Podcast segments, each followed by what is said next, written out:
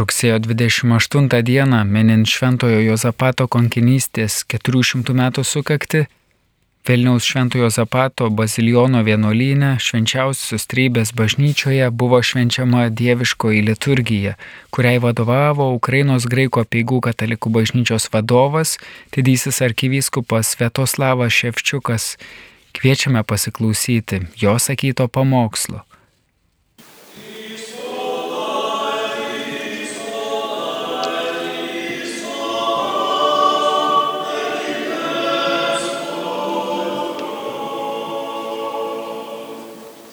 Господній на мені, бо Він помазав мене, послав мене благовістити в Богом, проголосити сліпим прозріння, пригновлених випустити на волю.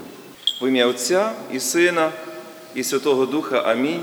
Your Excellencies, Your Eminence, Преосвященний владико Степане, високопреподобний Отче протоігумене.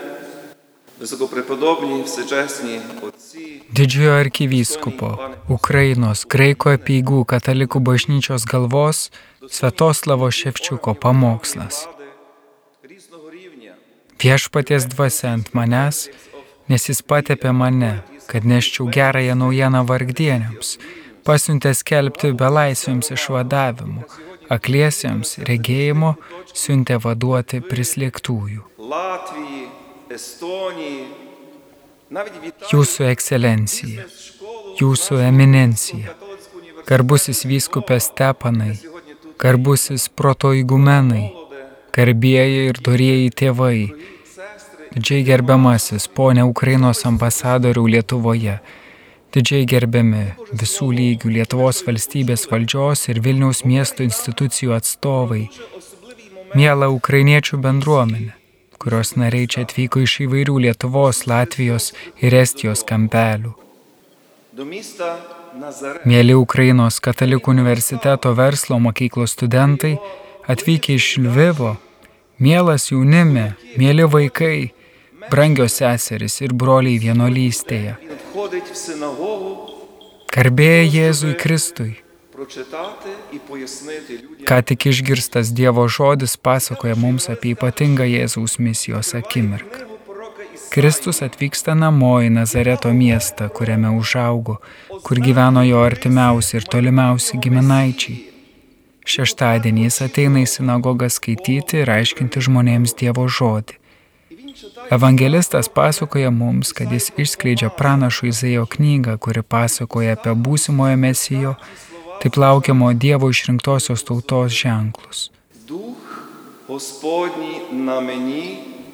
Jis skaito pranašo Izaijo žodžius apie Dievo pateptąjį.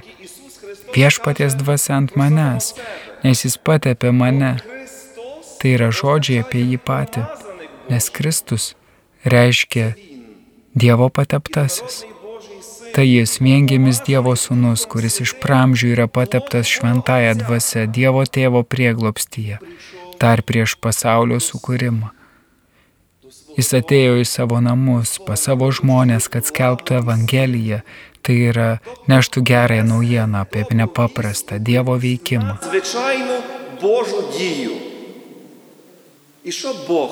Ko Dievas nori padaryti savo sūnuje, savo tautai? Kokia yra Evangelijos Jėzaus Kristaus gerosios naujienos prasme? Jis sako, kad atėjo nešti gerąją naujieną vargdieniams, skelbti belaisviams išvadavimą, akliesiams praregėjimą, vaduoti prislėgtuosius. Ši gera žinia yra ta, kad Dievas išvaduoja savo tautą ir dar labiau prisimena ir rūpinasi ją. Prihnoblinim, date svobodu. Kai Kristus baigė skaityti, pasakoja Lukas, visi sinagogoje labai dėmiai pažvelgė jį ir jis tarė, šiandien išsipildė ką tik jūsų girdėti rašto žodžiai. Tai reiškia, kad tai, ką išgirdo žmonės, vyksta dabar.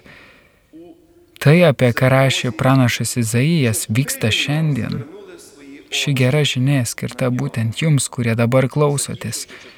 Šis Dievo žodis tampo tikrovę jūsų ausise. Вповнилось у ваших вухах.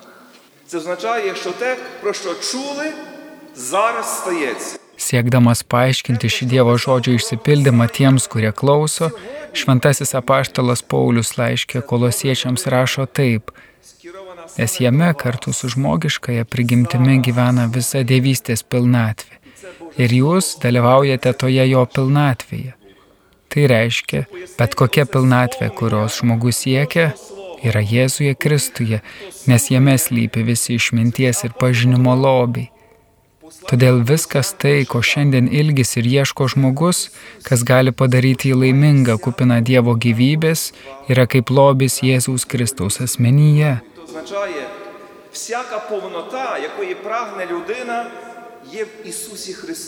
Jeigu mes siekiame laisvės, taikos, išminties ir pažinimo, visa tai yra jame.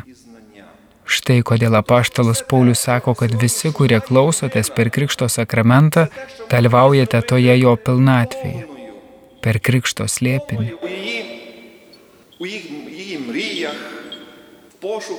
Kas tiki Jėzų Kristų jausise, širdyje bei gyvenime ir šiandien išsipildo Dievo žodis.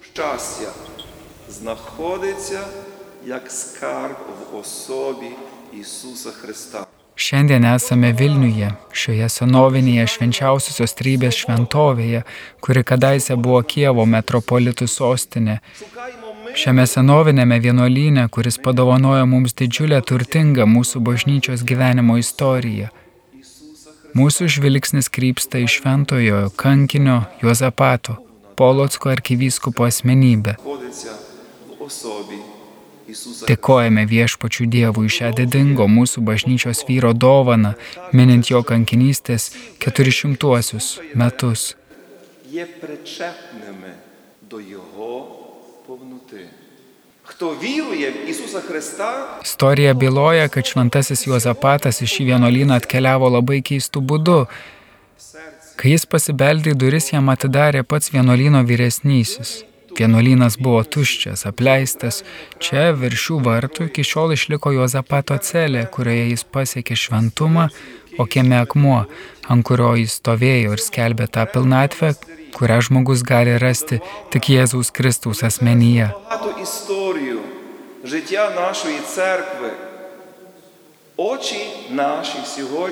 Tada šventasis kankinys Juozapatas pamokslavo apie visuotinės bažnyčios vienybės pilnatvę ir kvietė visus krikščionis vienytis aplinkuolą, kuria yra mūsų dienų apaštalo Petro įpėdinis.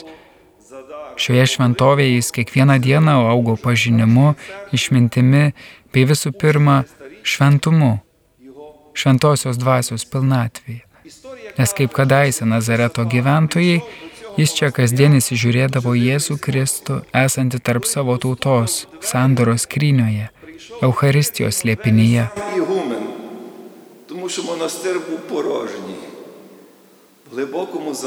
Pagerbdami šventą į kankinį Josapatą, turėtume išgirsti šio lūpų šį galingą kreipimąsi.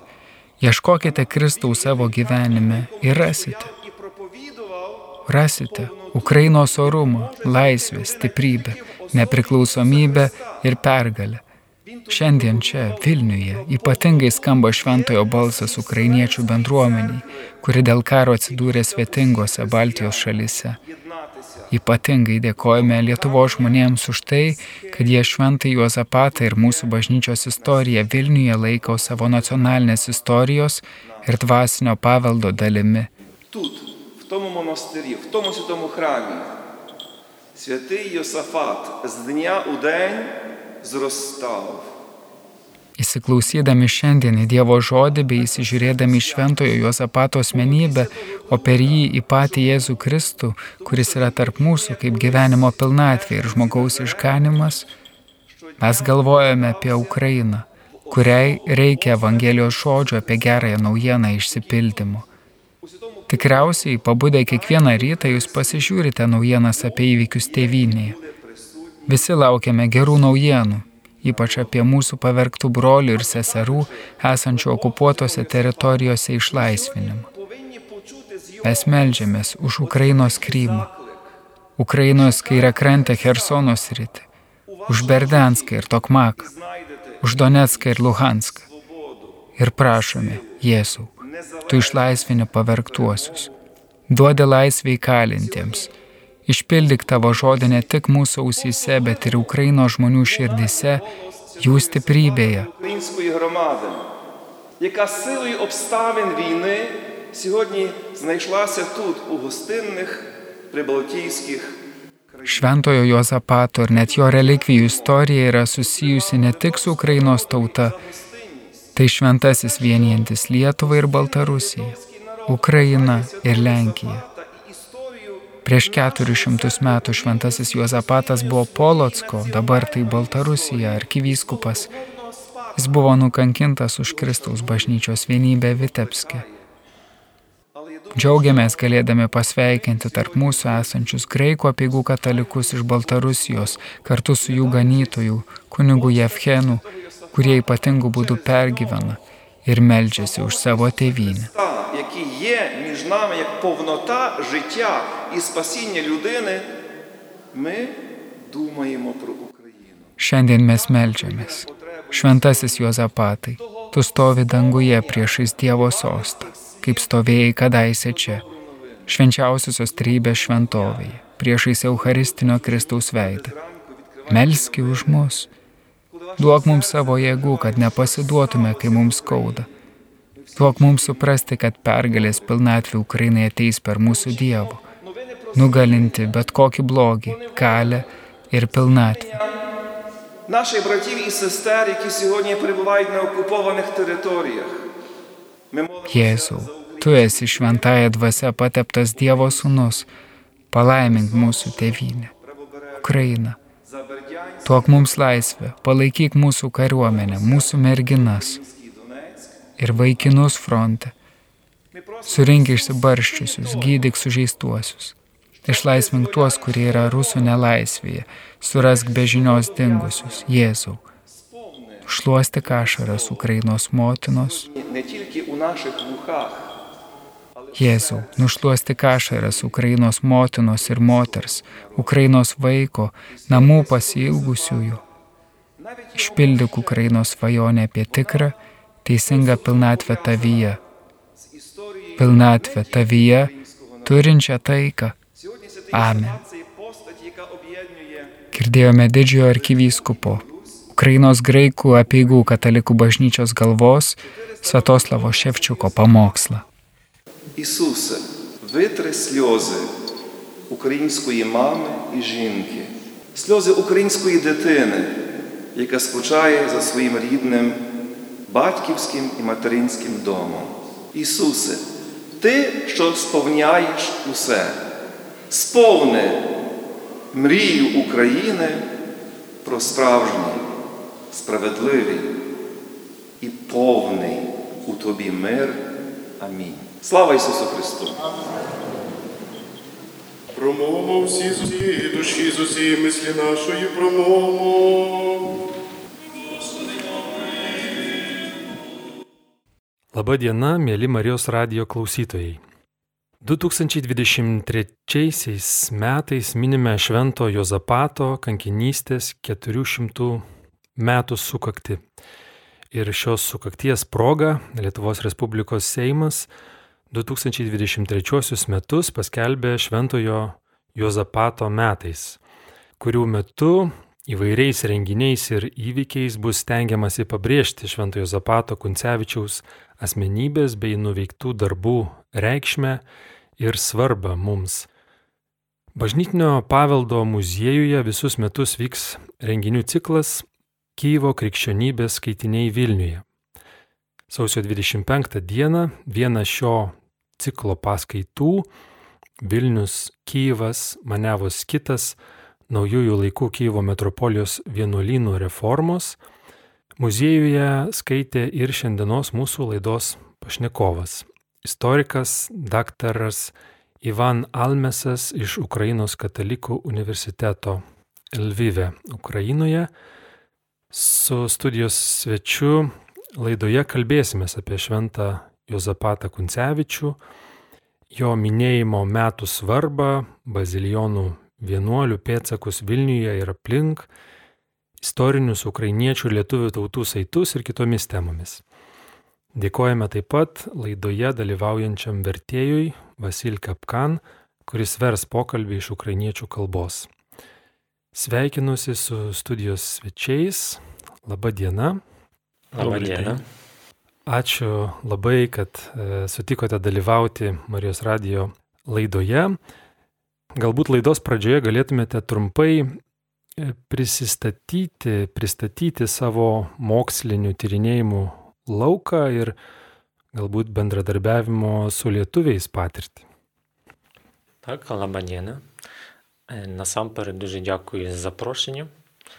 Е, Дякую пану Рімусу Мацевичусу за це запрошення і велике спасибі усім е, литовським друзям, колегам, які нас е, зараз слухають. Visų pirma, norėčiau padėkoti už pakvietimą dalyvauti šioje laidoje. Dėkoju po- ponui Rimui Macevičiui, kuris pakvietė mane ir taip pat visiems bičiuliams ir draugams, kurių dėka aš galiu būti čia. Та й завжди з радістю прибуваю до Вільнюса і знаю, що тут справжні друзі. Kiekvieną kartą atvykdamas į Vilnių aš džiaugiuosi, nes žinau, kad čia yra tikrieji mano bičiuliai. А тим більше у такі дні святкові, коли Вільнюсу 700 років, це ще більш приємно перебувати саме у такі дні. O jolab šiomis dienomis džiaugsminga čia būti, nes Vilnius švenčia savo gimimo dieną, 700 metų ir ypač malonu būti čia Vilniuje šiomis dienomis. Я історик, е, викладач Українського католицького університету. Також координую діяльність навчально-дослідницької програми Київське християнство, яка функціонує в УКУ під патронатом блаженнішого Святослава, глави УГКЦ. А також очолюю Центр релігійної культури імені Ігоря Скочеляса. Esu istorikas, darbuojuosi Ukrainos katalikų universitete, istorijos fakultete ir e, vykdau mokslinius tyrimus e, kartu e, su savo kolegomis. E, Mes e, vykdom Kyivo krikščionybės e, tyrinėjimus, e, yra leidžiami leidiniai. Šiai programai Kyivo krikščionybė vadovauja Ukrainos graikų apegų katalikų e, bažnyčios e, vyriausias arkivyskupas Sviatoslavas Ševčiukas. Ir taip pat man tenka garbė e, vadovauti specialiam padariniui mūsų universitete, kuris yra pavadintas e, amžinatilsio profesorius Igoros Kačeliaso vardu. Щодо моїх дослідницьких зацікавлень, про які ви згадали і запитали на початку, я насамперед дослідник 17-18 століття історії церкви цього часу, зокрема Київської митрополії. Jeigu kalbėtų apie mano tyrimo sritį, apie ką jūs teiravotės, tai aš darbuojuosi šiame laikotarpyje 17-18 amžius, bažnyčios istorija ir būtent Kyivo krikščionybė, Kyivo krikščionybės tradicija. Можна сказати, три основні теми для мене найважливіші. Перше це історія монастирів, друге історія читання, і третє найширше релігійна історія ранньомодерного часу. Tai mano tokios trys temos - tai yra bažnyčios istorija, skaitiniai ir religiniai tyrimai šiame kontekste. І остання монографія моя українською мовою у 2021 році, яка вже була опублікована під час війни у Львові. Це історія читання ченців. Що вони читали, для чого, і як це впливало на їхнє усвідомлення і сприйняття навколишнього світу у 17-18 столітті. E, Mano monografija buvo paruošta 2021 metais ir spausdinta Lvyve jau karo metu. Ir e, jos tema buvo skirta vienuolių skaitiniams. Tai yra, ką jie skaitė, kam ir kaip jie suvokdavo save ir tikėjimą per šios skaitinius. Negaliu nepaklausti apie jūsų gyvenimo ir darbo kasdienybę Ukrainoje šiuo metu. Kokią įtaką karas padarė ir daro universitetui, kaip vyksta akademinis gyvenimas, kokie jūsų asmeniniai išgyvenimai. Так, очевидно, кардинально вплинуло. Як і будь-яка війна, вона має епохальні зміни. Akivaizdu, kad poveikis buvo kardinalus, kiekvienas karas turi tokį poveikį žmogui. Я проживаю у Львові е, з дружиною. Gyvenu e, kartu su savo žmona. Місто Львів це є Західна Україна, приблизно 100 кілометрів від кордону з Польською Республікою. Ir Lvivas yra vakarų Ukrainoje, ir pats miestas e, yra atstumu viso labo 100 km nuo e, sienos su e, Lenkijos Respublika. Іншими словами, це глибокий тил. Це глибокий тил у порівнянні з фронтом, з гарячим фронтом, де відбуваються військові дії. Tai kitaip tariant, čia yra užnugaris ir gal e, gilus užnugaris, jeigu mes lyginsim su ta priešakinė linija, e, karšta linija, kur vyksta e, mūšiai rytų Можна Ukrainoje. сказати, що я поки що, на щастя, війну не побачив в очі, як це бачать люди, які живуть біля фронту. Ir galbūt savo laimė galiu pasakyti, kad kol kas aš tokio karo e, akivaizdaus e, savo akimis nesu matęs, kaip tai dėja yra e, e, su žmonėmis, kurie gyvena tiesiog e, karo priešakinėje linijoje. У Львові бувають тривоги, часті тривоги, сирени. Це означає, що потрібно йти в укриття. Але останні місяці ми вже до цього звикнули і далеко не завжди ходимо е, в укриття і продовжуємо працювати. Lvive be abejo, kaip ir visoje Ukrainoje, yra skelbiamas oro pavojus ir mes be abejo turime eiti į slėptuvės, tačiau per pastarosius mėnesius pastebimas toks dalykas, kad mes jau kaip pripratom prie jų, taigi kartais nebėgam niekur, o tęsim savo darbus savo vietose. Іншими словами, працюємо і живемо під час тривог. Taigi, kitaip tariant, mes dirbame ir gyvename oro pavojų metu. Це означає снідати, обідати, читати книги, гуляти вулицею, зрештою деколи спати, чуючи звук сирен. Tai reiškia, kad ir, ir pusryčiauti, ir pietauti, ir kartais vaikščioti laukia, arba dirbti, skaityti knygas, o kartais ir mėgoti tuomet, kaip yra skelbiamas oro pavojus. Е, Зрештою, подорожувати або їхати до кордону з Польщею, щоб прибути до Вільнюса. Е, На щастя, цього разу без тривоги і без не бачивши ракет, які летіли в сторону Львова. Ir kartais ir galima ir vykti, tarkime, kaip ir šiuo atveju, mano atveju, prie sienos su Lenkija, kai nu, nebuvo to oro pavojaus ir neteko matyti skraidančių danguje raketų. Е, Друга важлива зміна особисто для мене, що ти починаєш жити з військовими. O antras pasikeitimas man asmeniškai, kad tu pripranti gyventi kartu su kariškiais. Коли ти військово бачиш щодня у місті, Kasdien tu matai kariškius mieste чи чоловіків, які готуються їхати на фронт. arba vyrus, kurie ruošiasi vykti į frontą, į tą priešakinę liniją. Інше, можливо, декілька слів е, про університетське життя. Gal keletą žodžių tarsiu dėl to, kaip gyvena universitetas. Е, с- Перші два тижні, особисто для мене, як частина університетської спільноти, вони були справді, напевне, найважчими психологічно. Pirmosios dvi savaitės man asmeniškai ir mūsų bendruomeniai buvo galbūt pačios sunkiausios. Розгубленість, страх, якісь бажання, можливо, втекти, знайти безпечне місце. Tai buvo pasimetimas, baime, noras surasti saugią vietą. Але опісля прийшло розуміння того, що треба працювати, не просто працювати, а ще більше робити, і це буде основним кладом в перемогу. Tačiau vėliau atėjo suvokimas, kad reikia dirbti ir ne šiaip dirbti, o galbūt dvigubai daugiau dirbti ir tai bus e, tavo indėlis į pergalę. Потрібно було знайти свій фронт. Taigi, kitaip tariant, reikėjo surasti savo frontą, kur tu galėtum kariauti. І університет з гідністю прийняв цей виклик. І до сих пір, і ми успішно завершили минулий семестр, розпочали новий навчальний семестр. І буквально в ці дні будуть відбуватися випускні урочистості магістрів в Українському католицькому університеті. Taigi universitetas oriai priėmė šį iššūkį, mes baigėm praeitą semestrą, pradėjom naujus mokslo metus ir a, mūsų magistrai gins savo darbus ir bus iškilmės е, та прога mūsų університете. Навчання відбувались не лише під час тривог, але дуже нерідко без електрики, без світла, а студенти вдома могли готуватись до пар без тепла.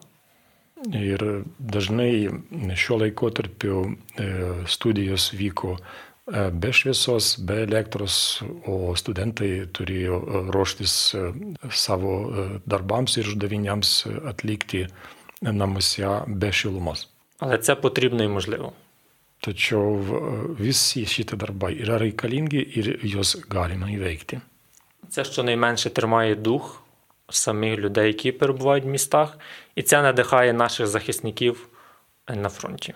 Tai visų pirma palaiko e, dvasia tų žmonių, kurie e, toliau yra mūsų miestuose, o iš kitos pusės tai yra e, stiprus įkvėpimas mūsų kariams, kurie gina mus fronte. У підсумку минулого року наша дослідницька програма опублікувала 5 книг під час війни, опублікувала і дві книги приготувала до друку. Pavyzdžiui, mes tęsim savo darbus ir pernai e, mūsų e, tyrinėtojai, mokslininkai parašė penkias knygas ir publikavo, ir dvi knygos jau yra paraštos publikacijai. У нас з'явились два нові аспіранти. Pas mus atsirado du nauji aspirantai. Нові студенти поступили в університет у вересні навчання саме у Львові. Rugsėjo mėnesį atvyko nauji studentai, įstojo į mūsų Ukrainos katalikų universitetą Lvyvę. Тобто ми працюємо, вчимося і все робимо е, для перемоги. Taigi mes dirbame, mokomės ir darome viską, kas yra reikalinga pergaliai. Laidos pradžioje minėjau, kad šiemet Lietuvoje valstybiniu lygiu minimas šventasis Jozapatas Kuncevičius. Tai vienuolis, asketas gyvenęs 1580-1623 metais, vėliau ir Polotsko arkivyskupas, vienuolino vyresnysis. Um, Lietuvoje galbūt nėra labai nuodugniai pažįstamas šis šventasis, tačiau jisai susijęs su Lietuva ir galbūt šis minėjimas paskatins ir e, lietuvius labiau pasidomėti, labiau pažinti Šventojo Zapatą. Kaip e, apibrėžtumėte šios asmenybės svarbą, kokie pagrindiniai darbai jo? Насамперед, е, дякую уряду литовському в особі пані Діани Варнайте, що в Литві свят... відзначають постать Йосифата Кунцевича на державному рівні. Visų pirma, norėčiau e, padėkoti Lietuvos e, vyriausybei už tai, kad e, tokiam lygmenyje, valstybės lygmenyje yra žymama šį datą, minimas Šventasis Jozapatas Kuncevičius. Ir už tai norėčiau padėkoti vyriausybės atstovai Dianai Varnaitai už jos indėlį į šį minėjimą. Роль особи в історії завжди цікава. В будь-які періоди вона привертала увагу істориків. Asmenybės svarba istorijoje visada yra svarbus dalykas istorikams nagrinėti ir istorikai visą laiką atkreipia dėmesį į tokias istorinės figūras.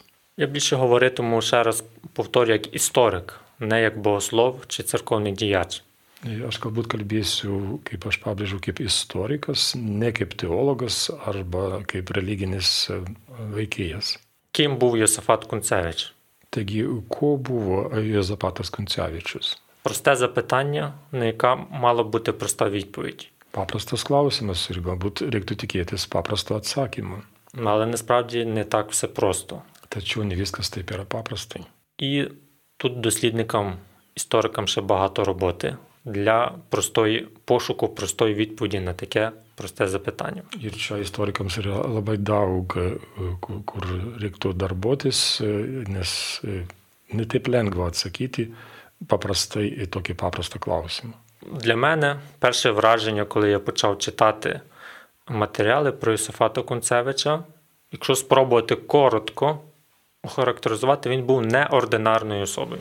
E, man, kai aš tik tai pradėjau susipažinti su jo asmenybė, kaip istorikas, aš supratau, kad jisai buvo nepaprastas žmogus. Buvo zahoplenai e, duchovnėme asketinėme praktikame.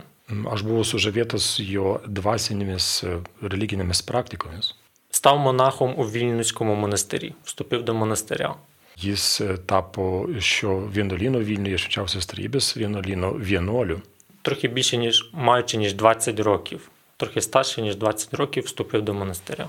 E, Būdamas viso labo 20 metų, jis jau įstojo į. У монастирі, в якому майже не було людей, декілька осіб, і він прийшов до цього монастиря. Šiame vienuolyne nebuvo daug vienuolių, keletas žmonių ir jisai atsiranda šitam vienuolyne. став монахом, ченцем. Taigi jisai tapo vienuoliu. І робив свою роботу як найкраще, якщо так можна сказати про ченців, що вони роблять роботу.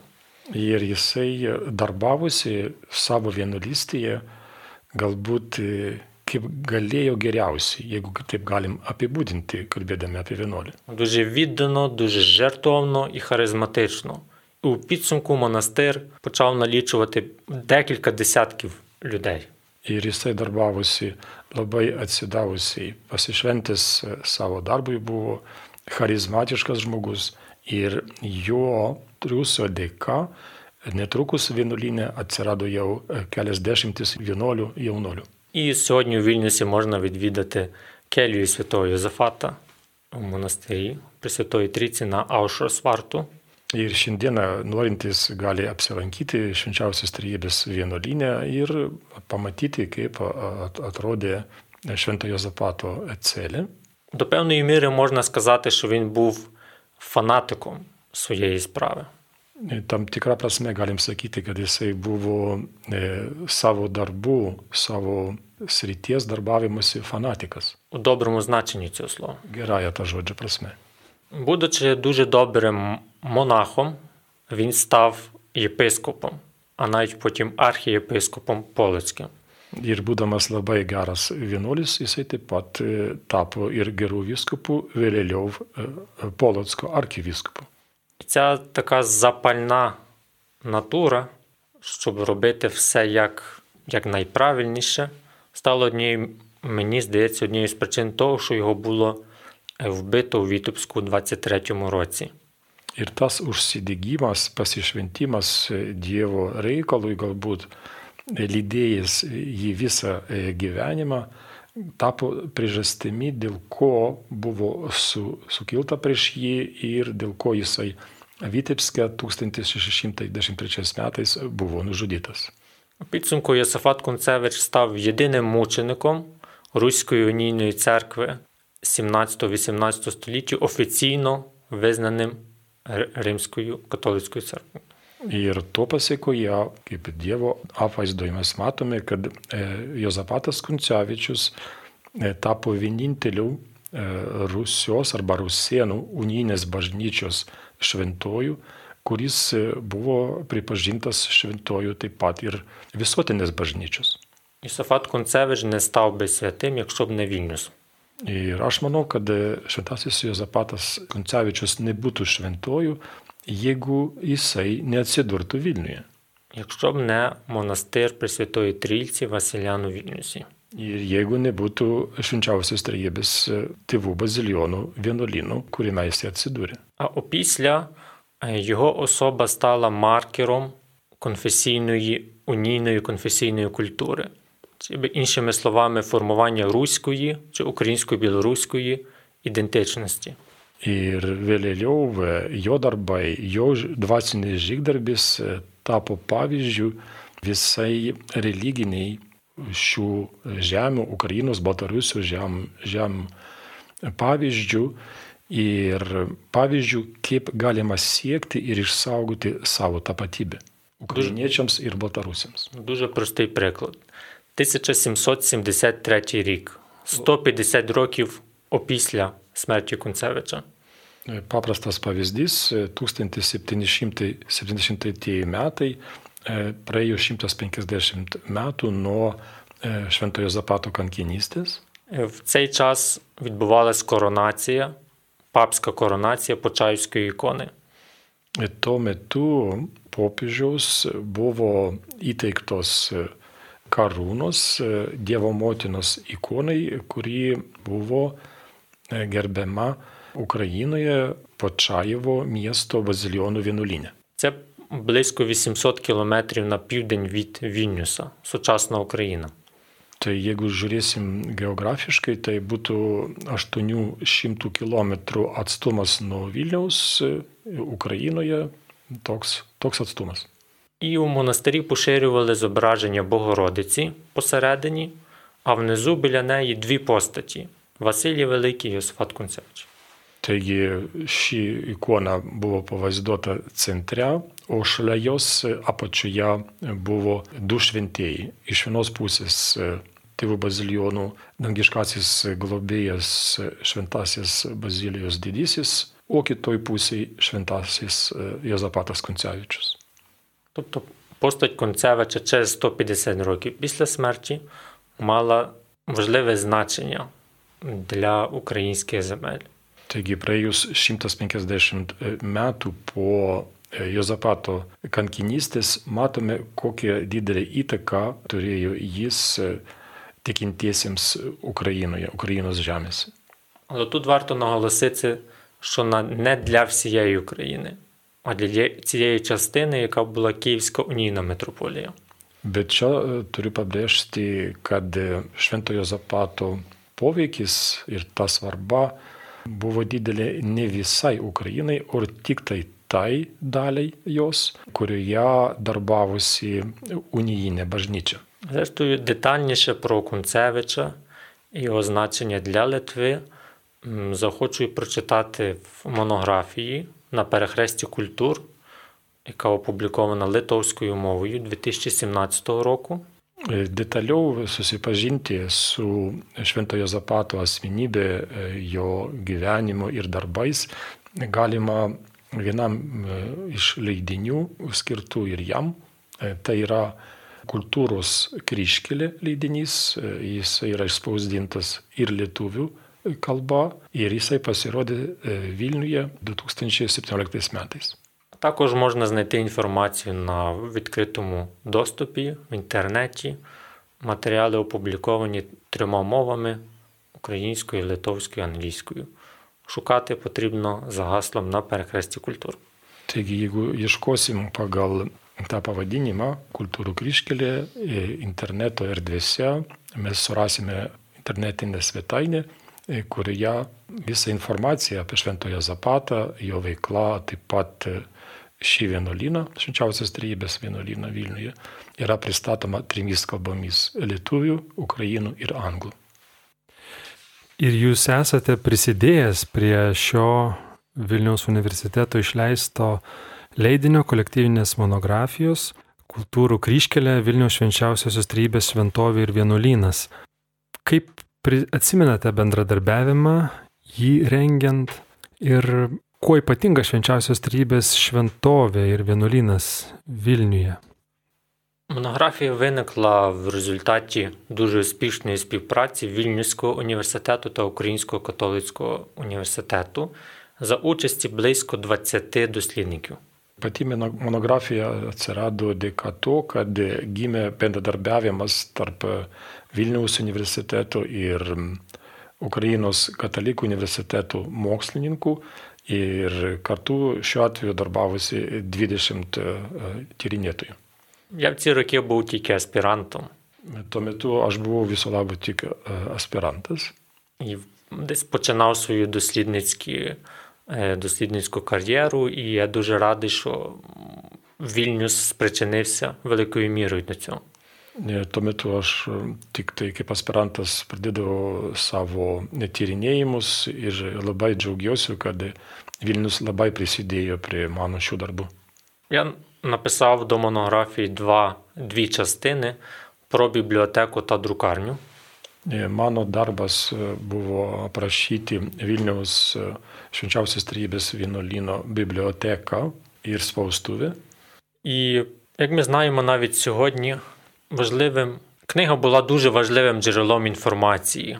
Вона залишається сьогодні, але якщо говорити про 17 століття, це одне з чи не єдиних джерел інформації. Це Фейсбук для 17 століття. Jeigu žiūrėsime į tokį reiškinį kaip knyga, tai 17 amžiuje tai buvo e, pagrindinis žinių šaltinis, e, jeigu sakyti e, mūsų šiuolaikinių žmonių kalba, tai buvo tiesiog 17 amžiaus Facebookas. Багато різних журналів, часописи, це як соціальні мережі. Якщо ти маєш доступ до джерела інформації, ти поширюєш певну інформацію. Тому друкарня це дуже важливий інструмент, особливо в цей час. Taigi tie visi leidiniai, e, knygos, e, žurnalai e, kaip e, socialinio bendravimo e, pagrindas buvo labai svarbus, nes jeigu tu turi spaustuvę, turi prieigą prie informacijos, tu gali daug ką valdyti. Друкарня Василян у Вільнюсі в 17-18 столітті була одною з найбільших в місті. Tuo metu, 17-18 amžiuje, e, tėvų bazilionų spaustuvė Vilniuje buvo viena didžiausių. Наприкінці 18 століття саме Василяни опублікували проповіді литовською мовою. O 18 amžiaus pabaigoje būtent tėvai bazilionai pradėjo spausdinti e, pamokslus lietuvių kalba. А на початку 19 століття також Василяни мали готовий проект граматики литовської мови для публікації. O 19 amžiaus pabaigoje tėvai bazilionai buvo paruošę e, ir lietuvių kalbos e, gramatiką spausdinimui. Але через імперську цензуру цю граматику не було тоді опубліковано. Tačiau įsikišus Rusijos imperijos e, cenzūrai ši gramatika nebuvo publikuota. Василяни друкували багатьма мовами книги руською чи староукраїнською, польською, латинською, церковнослов'янською. E, Tėvai bazilionai spausdino leidinius įvairiomis kalbomis. Tai buvo rusėnų arba sena ukrainų kalba, lenkų, lotynų ir e, senoji e, slavų bažnytinė. Хто зараз видає книги різними мовами, він розуміє, скільки фахових працівників потрібно, щоб видати однією мовою якусь книгу. Ir dabar, kas yra susijęs su leidyba, galbūt turi e, suvokimą apie tai, kiek e, aukštos kvalifikacijos specialistų reikia turėti, kad e, paruošti bent e, vieną leidinį vieną kalbą. І ще один факт про друкарню Василян у Вільнюсі, дуже цікавий. Ir dar vienas faktas apie e, tėvų bazilionų spaustupę Vilniuje, labai įdomus dalykas. У 1770 році юний Гете публікував собі перші вірші. E, Yra žinoma, kad 1770 metais jaunasis Gietė spausdino savo eilės. І він їх публікував у друкарні Брайткопфа в Ляйпцигу. Taigi tai vyko Leipzigo mieste, Braitkofo spaustuvėje. В цей самий рік настоятель монастиря в Вільнюсі закупив шрифти для своєї друкарні саме в Брайткопфі, в типографії Брайткова в Ляйпцигу. Ir būtent tais metais e, Vilniaus e, vienuolino vyresnysis e, įsigyja šriftus spausdinti leidinius savo vienuolino spaustuvėje ten pat, Leipziga pas Braitkofą. І ця друкарня була однією з перших в Європі, і в ці, цей період 70-х років однією з найкращих, яка друкувала ноти. Ir ši spaustuvė buvo viena geriausia tuometinėje rytų Europoje, bet to ji turėjo galimybę spausdinti netgi natas. Настоятель Василян у Вільнюсі також закупив шрифти для друку нот у Ляйпцигу. Nes e, vienuolino vyresnysis e, iš Vilniaus įsigijo Leipzigą e, būtent e, šios šriftus spausdinti natoms. І тут не тільки справа в грошах. Це засвідчує факт, що вони справді були дуже спроможними і багатими, щоб купити таке остаткування. Ir čia kalbam ne tik tai apie e, pinigus, e, jo- juos ir reikėjo turėti, bet kalbam apie tai, kad e, buvo pakankamai apsišvietę ir pasiryžę skleisti ir, ir kultūrą tokiu būdu. Потрібно вміти з цим правильно користуватись, використати як найкраще остаткування в себе тут на місці в Вільнюсі. Ir taip pat tai kalba apie jų kvalifikaciją, nes e, turėjo būti labai aukštos kvalifikacijos specialistai panaudoti e, šios techninius rengi- ir įrenginius e, Vilniuje savo spaustuvėje. Перепрошую за таке порівняння. Можна купити BMW, але як ти не знаєш, як на ньому їздити, ти не будеш на ньому їздити. Atsiprašau už tokį palyginimą, bet galima įsigyti BMW automobilį, tačiau nemokėdamas negalėsi važiuoti. То справді дуже високого рівня друкарня. Taigi šis spaustuvė iš tikrųjų buvo labai aukšto lygio. Sakoma, kad ukrainiečių ir lietuvių tautos yra artimos istoriškai susijusios. Kokie pagrindiniai istoriniai saitai mus sieja ir kaip tuos saitus atpažinti, pamatyti, galėtų žmonės skyrę laiko susipažinti su šventuoju Juozapatu Kuncevičium ir bazilijonų ordinu, prie kurio įkūrimo prisidėjo šventasis Juozapatas. Якщо говорити про зв'язки між українцями та й литовцями в історичній перспективі, Jeigu mes kalbėsim apie e, ryšius tarp lietuvių ir ukrainiečių istorinėje perspektyvoje, тут теж дуже простий і очевидний факт. yra labai paprastas ir akivaizdus faktas. Українці і литовці жили в одній державі Велике князівство Литовське. Ukrainiečiai ir lietuviai gyveno vienoje valstybėje - Lietuvos didžiojoje kunigaikštystėje. І до слова, сподіваюся, не- незабаром ми знову будемо разом в Європейському Союзі. Ir čia noriu pridurti, kad greičiausiai mes neužilgai greitai būsime vėl kartu Europos Sąjungoje. Якщо говорити про якісь приклади співпраці, Jeigu kalbėtumėm apie mūsų bendradarbiavimo pavyzdžius, оскільки я, як дослідник історії монашества, aš kaip vienuolyjų gyvenimo ir veiklos tyrinėtojas знову можу повернутися до м, уже сьогодні згадуваного Почаївського монастиря. vėl galiu sugrįžti prie jau minėto e, tėvų bazilijonų Pačaivo vienuolyno veiklos. Почаївський монастир після конверсії з православ'я на унію Pačaivo vienuolynas, kuomet jisai atsivertė iš stačiatikiškosios erdvės į unijinę ir tapo e, bazilijonų vienuolynu, це означало кардинальні культурні зміни в цій е, чернечій монашій спільноті. Tai reiškia, kad tuomet vyko kardinalus e, vienuolių bendruomenės pasikeitimai būtent joje. Іншими словами, сучасними це означало вестернізацію монастиря. Ir tie kultūros pokyčiai, galim sakyti, vyko kaip e, posūkis į vakarus. Вестернізація їхніх культурних практик, їхнього сприйняття. Taigi čia buvo posūkis į vakarus, ta prasme, m, dėl e, vienuolių vykdomų dvasinių praktikų ir jų gyvensinos. І хто саме був на чолі цих процесів в тогочасному Почаївському монастирі? Taigi, kasgi vadovavo šiems procesam tuometinėme bazilionų vienuolyne? Це був монах з Литовської провінції. Taigi, pasirodo, tai buvo vienuolis atvykęs iš Lietuvos tėvų bazilionų provincijos.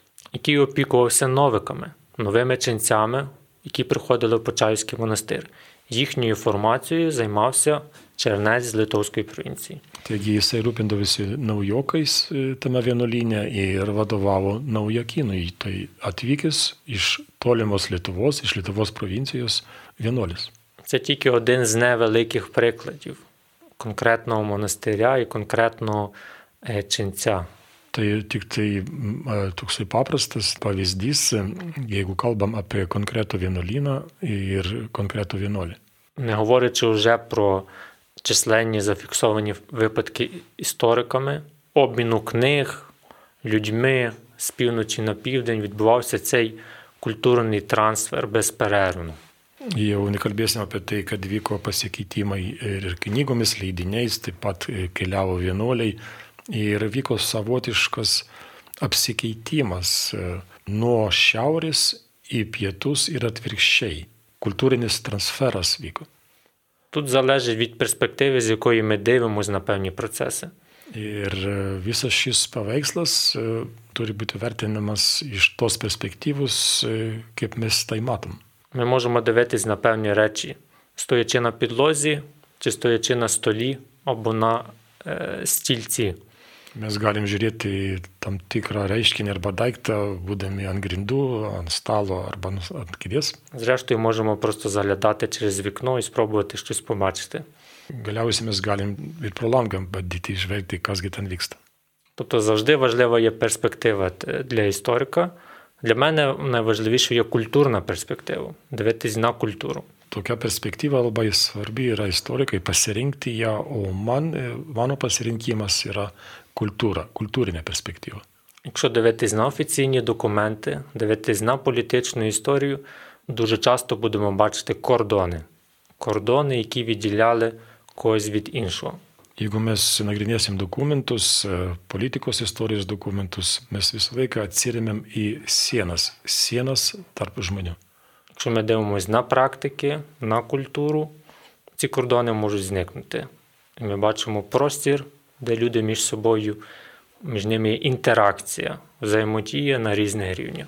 O jeigu mes žiūrim į kultūrą, į dvasinės praktikas, matome, kad tokių sienų nėra ir žmonės tarpusavėje saveikauja ir keičiasi ta- Що ми tarpusavy бачимо? savo vertybėmis. Що ми бачимо і сьогодні?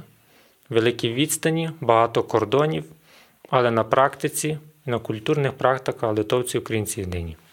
Ir mes matome tai šiandien, didžiausi atstumai, daug sienų, bet e, e, dvasiškai, kultūriškai mes lietuviai ir kurieniečiai esame vieningi.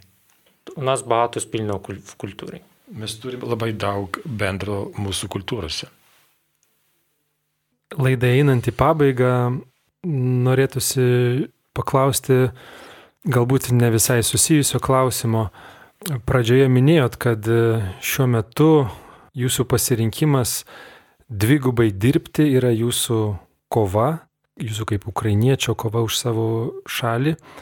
Ir Rusijos agresijos, karinės invazijos į Ukrainą kontekste girdėjome ir įvairių istorinių vertinimų, vadinamų istorijos perrašymų, interpretacijų, kuriomis bandyta pateisinti agresiją. Tai noriu jūsų kaip istoriko paklausti, kokia tokių istorinių vertinimų grėsmė ir kaip galima ir kaip reiktų su tuo kovoti, tam pasipriešinti. Можна уточнити. Мається на увазі спроби переписати з російської сторони, так? E, Tie bandymai perrašyti istoriją yra iš Rusijos pusės. Taip, Так. Коли ми говоримо про переписування історії, Kai mes kalbam apie tai, jog yra bandymai perrašyti istoriją, насправді для істориків це звична практика. e, iš tikrųjų istorikams tai yra įprastinė praktika. Якщо ми подивимось на історіографію європейську 19-20 століття чи сучасну, це є завжди переписування певної історії. Jeigu mes žvilgtelsim į XIX arba XX amžiaus istoriją, netgi šio laikinę, visuomet galima pastebėti tokių bandymų perrašyti, kabutėse, istoriją. Але в тому значенні, що ми контекстуалізуємо до сучасності, щоб краще зрозуміти минуле з сучасної перспективи. Ir mes kalbam apie tai, kad mes bandome e, konstatualizuoti i- istoriją, tai reiškia suteikti įveikiams, kurie buvo prieš daugelį metų, e, dabartinį mūsų žmonių kontekstą. Іншими словами, як ти пишеш історію, це так і показує тебе, ким ти є. Kitaip tariant, kaip tu rašiai istoriją, tai rodo, e, kas tu esi. Якщо ти радикалізуєш історію і фальсифікуєш, це говорить про тебе, бо ти її так написав про автора. Jeigu tu radikal, darysi istoriją radikalią ir agresyvę arba falsifikuosi ją, reiškia, tu pats toks esi kaip tyrinėtojas, kaip žmogus. Тобто, це, це багато що говорить про самих виконавців, які хочуть в такому способі переписати історію. Taigi šiuo atveju tai atskleidė mums tikrąją e, šių e, perrašinėjų bandymų vykdytojų veidą. В такому значенні історія стає знаряддям пропаганди. Ir šią prasme istorija tampa propagandos įrankiu. Як колись сказав один з е, мислителів 19 або 20 століття, на жаль, е, точно не пам'ятаю, Kaip sakė vienas e, 19-20 amžiaus mąstytojas, tiksliai neatsimenu, що найнебезпечнішою зброєю в світі не є атомна зброя. pats e, baisiausias ginklas e, pasaulyje nėra atominis, а ідеї. tačiau tai yra idėjos. А історики дуже мають великий стосунок до ідей. O istorikai pasirodo labai tampriai yra susijusi su ідеями. І тут вже йдеться про доброчесність особи, бо вона може цю зброю використати і зробити з нею справді небезпечну зброю. Ir šiuo atveju mes kalbame apie tai, kiekgi yra to sažiningumo e, e, kiekvienam istorikai, kiek jisai turi e, geros valios, nes e, jisai gali pasielgti labai pavojingai su šiuo ginklu. Повертаючись, тобто бачимо два способи переписування історії. Mes matom e, galbūt du būdus, e, kaip yra bandoma perrašyti istoriją. До певної міри наша монографія сьогодні вже згадувана, це також була спроба переписування. Ir e, galiu pasakyti, kad e, jau minėtoji monografija mūsų irgi buvo bandymas savotiškai kitaip pateikti istoriją. В значенні пригадування історії для українців литовської, для литовців української. Ta prasme mes norėjome priminti, kokiagi yra istorija Lietuvos lietuviams, ukrainiečiams Uk- Ukrainos ir atvirkščiai. То не потрібно боротися з переписуванням історії, але пам'ятати про що саме ми говоримо, про яке переписування.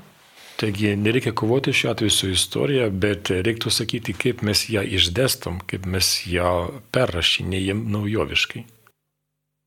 Ačiū labai gerbiamas daktarė Ivan Almes už dalyvavimą šioje laidoje. Mėly klausytojai, primenu, kad 2023 metais minime Šventą Jozapatą Kuncevičių.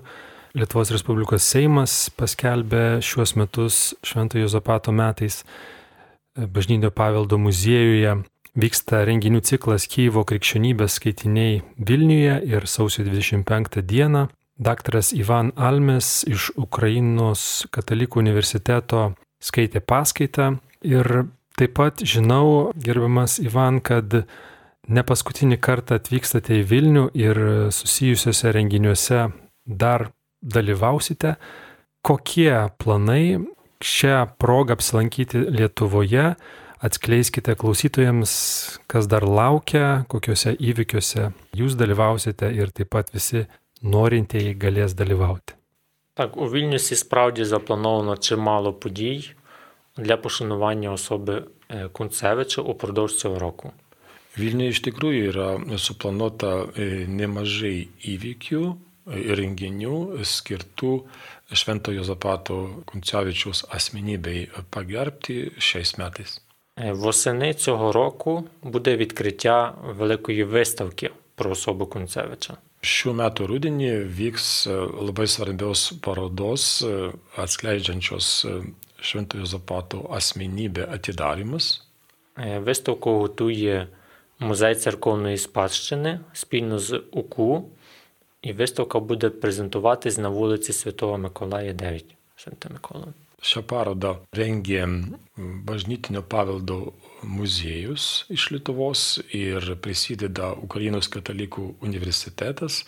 E, Jis vyks muziejus patalpose ir bus e, pristatytas šiame muziejumi.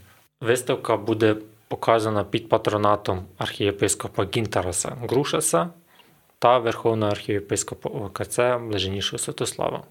Šią parodą yra globojama Vilnius arkivyskupo metropolito Gintaro Grušo ir taip pat Ukrainos graikų apieigų katalikų bažnyčios galvos aukščiausio arkivyskupo Svetoslavo Ševčiuko. На виставці можна буде побачити, як виглядав Концевич, побачити його особисті речі, не лише які зберігаються у Вільнюсі, а з Риму, з України, як він писав, особистий підпис Концевича і багато іншого цікавого про цю особу.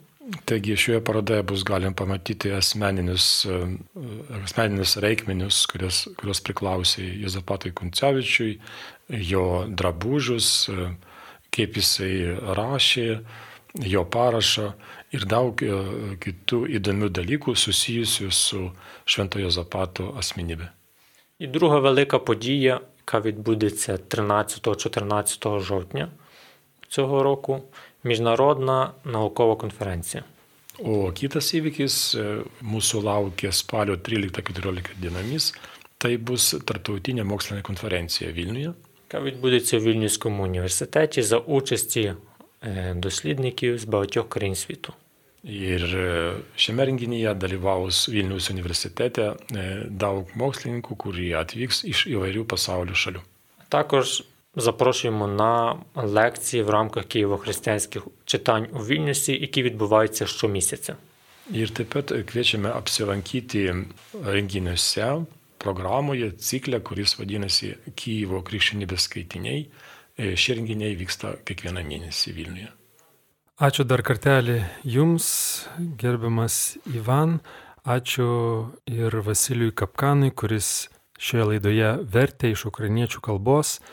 Mėly klausytojai, laidoje kalbėjomės su daktaru Ivan Almes iš Ukrainos katalikų universiteto apie Jozapato Kuncevičiaus asmenybę, minint jo metus Lietuvoje valstybiniu lygmeniu. Dėkoju už dėmesį. Laidą visada galite susirasti Marijos radio mediatekoje ir likite toliau su Marijos radiju. Sudie.